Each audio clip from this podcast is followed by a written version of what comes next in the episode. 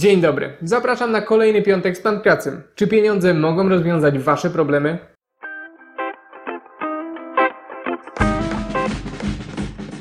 Cześć, z tej strony Hubert i bardzo miło mi Was widzieć na moim kanale. Dzisiaj poddamy wątpliwość powiedzenie pieniądze szczęścia nie dają, ale zanim zaczniemy, proszę dajcie mi znać w komentarzach, jakie jest Wasze zdanie na ten temat. W wielu filmach, serialach i książkach pieniądze są nam przedstawiane jako najprostsze rozwiązanie wszystkich naszych problemów, zaczynając od pracy bez perspektyw, której nienawidzimy, przez stres związany z życiem od pierwszego do pierwszego, aż po przeprowadzkę w miejsce, które w końcu przestanie nas dobijać. Wygrana na loterii, awans albo własny biznes mają być dla nas przepustką do nowego, lepszego życia. Życia pełnego emocji, wrażeń i samych przyjemności. Z drugiej strony, jeśli zastanowimy się nad tym odrobinkę, to ciężko nie pomyśleć sobie o wizji bogacza, który poświęcił wszystko dla pieniędzy i skończył samotny i nieszczęśliwy.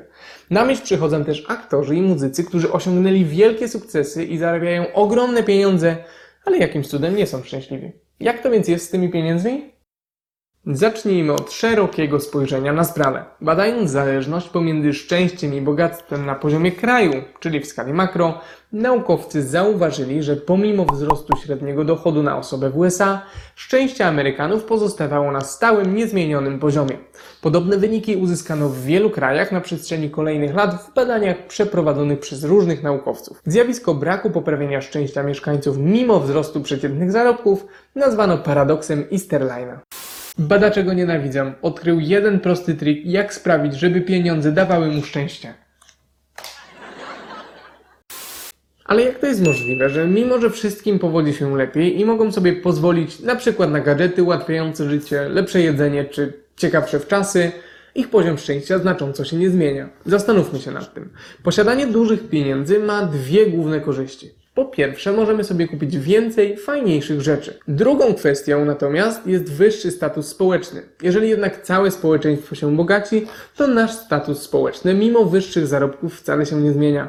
Co z tego, że możemy sobie kupić auto z czujnikami parkowania, odkurzacz automatyczny czy w czasy w Tajlandii, skoro wszyscy już mogą sobie na nie pozwolić. Aby jeszcze łatwiej było Wam zrozumieć o co mi chodzi, odpowiedzcie sobie szczerze na pytanie, co wolelibyście? Zarabiać 5000 zł, kiedy inni zarabiają 2500 tysiąca, czy może zarabiać 10 tysięcy złotych, kiedy inni zarabiają 20 tysięcy. Mówimy o kwotach na rękę, a ceny w obu przypadkach są na tym samym poziomie. Zarobki innych możemy tutaj rozumieć jako średnią krajową.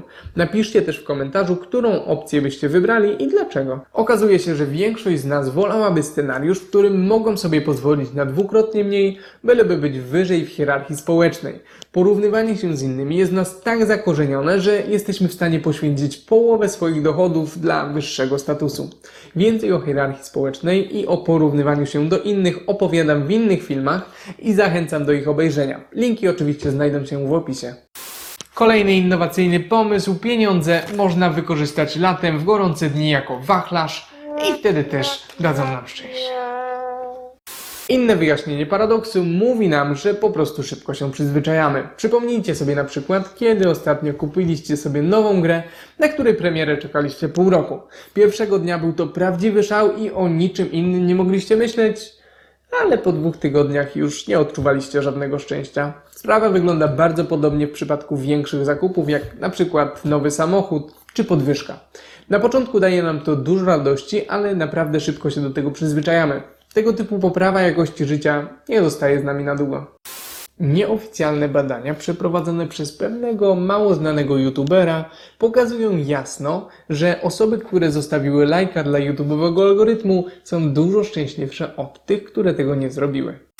Okazuje się jednak, że badanie z 2010 roku przeprowadzone na 450 tysiącach osób przez Daniela Kahnemana, noblistę i autora słynnej książki Pułapki Myślenia, wskazuje, że niskie zarobki sprawiają, że słabiej radzimy sobie psychicznie z rozwodami, chorobami czy byciem samotnym. Na co dzień również czujemy się gorzej, ponieważ mamy ograniczone możliwości spędzania czasu w taki sposób, w jaki byśmy sobie życzyli, na przykład z rodziną czy bliskimi. W dodatku mamy sporo zmartwień związanych z naszą sytuacją finansową. To samo badanie pokazuje nam, że po przekroczeniu pewnego progu zwiększanie zarobków nie poprawia już w znaczący sposób naszego samopoczucia. Magiczną liczbą było tutaj jednak 75 tysięcy dolarów rocznie, czyli ponad 23 tysiące złotych miesięcznie. To nie koniec, ponieważ badanie z 2018 roku, które przeprowadzono na ponad 1,5 milionowej grupie badanych ze 164 krajów świata pokazało, że 75 tysięcy dolarów rocznie rzeczywiście jest najbardziej korzystne dla naszego dobrego samopoczucia psychicznego, jednak dopiero zarobki na poziomie 95 tysięcy dolarów rocznie pozwalają na optymalną ocenę własnego życia, a więc szczęścia wynikającego z naszych ambicji i celów. Oznacza to, że musimy zarabiać ponad 23 tysiące złotych miesięcznie, aby osiągnąć stan, w którym dodatkowe środki nie dadzą nam większego szczęścia, ale to zarobki na poziomie 30 tysięcy złotych miesięcznie pozwolą wieść życie, które w naszej własnej ocenie będzie lepsze. Oczywiście, polskie zarobki są dużo niższe niż w krajach rozwiniętych i w rzeczywistości dla nas może to być kwota dużo niższa. Dla krajów Ameryki Łacińskiej na przykład zamiast 95 tysięcy dolarów wystarcza kwota 35 tysięcy rocznie, co jest niemałą różnicą. Badanie było przeprowadzone w różnych krajach, więc wyniki przedstawiają jedynie uśrednioną sytuację. Pominęliśmy też skutek inflacji obniżającej wartość dolara. Wiemy jednak na pewno, że pieniądze szczęście dają, ale tylko do pewnego poziomu zarobków. Jeżeli ktoś chciałby uszczęśliwić prowadzącego i nawet nie wydać przy tym ani grosza, to bardzo proszę, niech zostawi subskrypcję. W tych badaniach sprawdzono, jak na poczucie szczęścia wpływają nasze zarobki, ale przecież dochód to nie wszystko.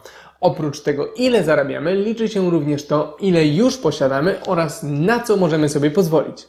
Gdy uwzględniono te elementy, zauważono, że wysoki poziom majątku znacznie mocniej wpływa na nasze poczucie szczęścia niż wysokość dochodu. Dzieje się tak głównie dlatego, że mając sporo oszczędności i aktywów, czujemy się bardziej bezpiecznie.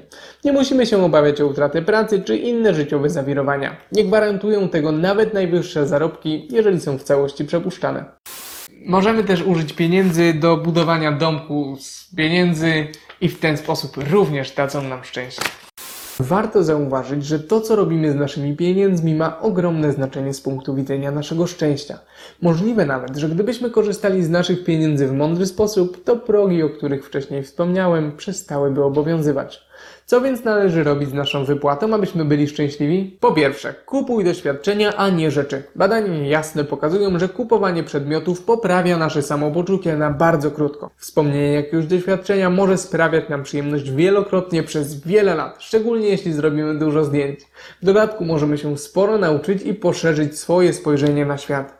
Mogę ten punkt potwierdzić również z własnego doświadczenia, ponieważ pamiętam jak jeszcze kilka lat temu stanąłem przed wyborem prezentu na moje 18 urodziny. Mogłem dostać pierwszy samochód albo wyjazd na dwutygodniowy kurs językowy do Londynu. Wybrałem ten drugi i wierzcie mi, że nigdy tego nie żałowałem. Po drugie, wydawaj na innych zamiast na siebie. Nie wiem czy wiecie, ale jesteśmy jednymi z najbardziej społecznych stworzeń na świecie. Dlatego poprawianie naszych relacji z innymi daje nam bardzo dużo satysfakcji i szczęścia. Osoby wydające pieniądze na innych zamiast na siebie są po prostu szczęśliwsze i mają wyższą samoocenę. Radość będą nam sprawiały zarówno prezenty dla najbliższych, jak i przekazywanie środków na akcje charytatywne. Po trzecie, Często wydawaj pieniądze na małe przyjemności zamiast rzadziej na duże. Po raz kolejny. Nawet najdroższe przyjemności szybko nam się znudzą. Małe przyjemności natomiast za każdym razem będą poprawiać nam humor, a utrzymując ich różnorodność, nie powinniśmy się do nich aż tak szybko przyzwyczaić. Stosując pewną analogię, zjedzenie 10 kostek czekolady nie da nam 10 razy więcej szczęścia niż zjedzenie jednej. Po czwarte, wydawaj mniej na ubezpieczenia. Wydawałoby się, że ubezpieczenia powinny dać nam spokój ducha, ale okazuje się, że są one jedną z tych rzeczy, których zakupu żałujemy i to często jeszcze zanim je kupimy. Nie ma nic złego w ubezpieczeniach jako takich, po prostu z jakiegoś powodu ich nie lubimy. W tym przypadku wszystko jest w naszej głowie. Po piąte, najpierw zapłać, konsumuj później. Okazuje się, że możemy czerpać naprawdę sporo radości z oczekiwania na jakieś zdarzenie czy nową rzecz. Czasem nawet więcej radości niż dostarczy nam sama nagroda, której tak bardzo nie możemy się doczekać. To trochę jak z pojechaniem na wczasy dzisiaj lub za tydzień. W drugim przypadku odczuwamy dodatkowe szczęście przez cały czas oczekiwania, regularnie myśląc o naszej przyjemności. Wszystko sprowadza się do odroczonej gratyfikacji, a morał z tego punktu jest prosty. Nigdy nie wydawaj pożyczonych pieniędzy na przyjemności. Po szóste, myśl o tym, o czym nie myślisz. Często czekając na zakup czegoś nowego skupiamy się jedynie na pozytywach. Kupując nowy samochód nie myślimy o wymianie opon, opłaceniu ubezpieczenia, jeżdżeniu na przeglądy czy wizytach u mechanika. Wizje przesłaniają nam podgrzewane siedzenia i mocny silnik. Przed większym zakupem dobrze się jednak zastanowić, czy kupujemy sobie szczęście, czy może dodatkowe problemy, których tak naprawdę chcielibyśmy uniknąć. Po siódme, nie porównuj ofert. Okazuje się, że w poszukiwaniu najlepszej okazji często zapominamy, co jest dla nas ważne, przez co kupujemy coś, co nie do końca spełnia nasze oczekiwania i chociaż kupiliśmy to w super cenie, to nie jesteśmy z tego powodu szczęśliwi. Po ósme, kieruj się opinią innych. Okazuje się, że jest duża szansa, że coś, co uszczęśliwiło innych, uszczęśliwi również nas. Dobrą praktyką jest przyjrzeć się, czy coś, co zamierzamy kupić, sprawiło przyjemność osobom, które już to mają. Zasada zdroworozsądkowa, ale czasem zdarza nam się kupić coś nie czytając opinii i istnieje większa szansa, że z takiego zakupu nie będziemy zadowoleni. Mam nadzieję, że w jasny sposób udowodniłem, że pieniądze rzeczywiście mogą dawać szczęście. Podsumowując dzisiejszy materiał, badania jednoznacznie pokazują, że pieniądze szczęście dają, przynajmniej do pewnego pułapu zarobków i majątku. Najwięcej szczęścia zdobędziemy na początku, kiedy to pozwolą nam one na zaspokojenie podstawowych potrzeb, zdobycie bezpieczeństwa i spokoju. Po osiągnięciu pewnego poziomu, dodatkowe środki nie będą już jednak znacznie przekładać się na radość i spełnienie. Chociaż ciężko jest oszacować ten poziom dla Polaków, to prawie na pewno jest on względnie wysoki. Na to, ile radości sprawiają nam nasze pieniądze, ma też wpływ to, co z nimi robimy i na co je wydajemy, dlatego powinniśmy robić to mądrze.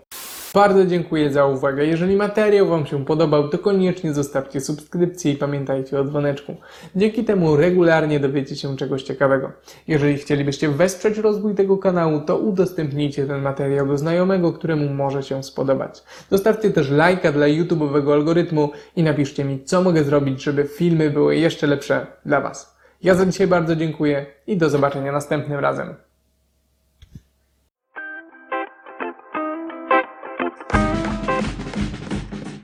Źle zrobiłeś ten samolot. Dlaczego? Nie wiem, bo nie lata, nie patrzę. No nie na to dobra. Wystraszyłem się.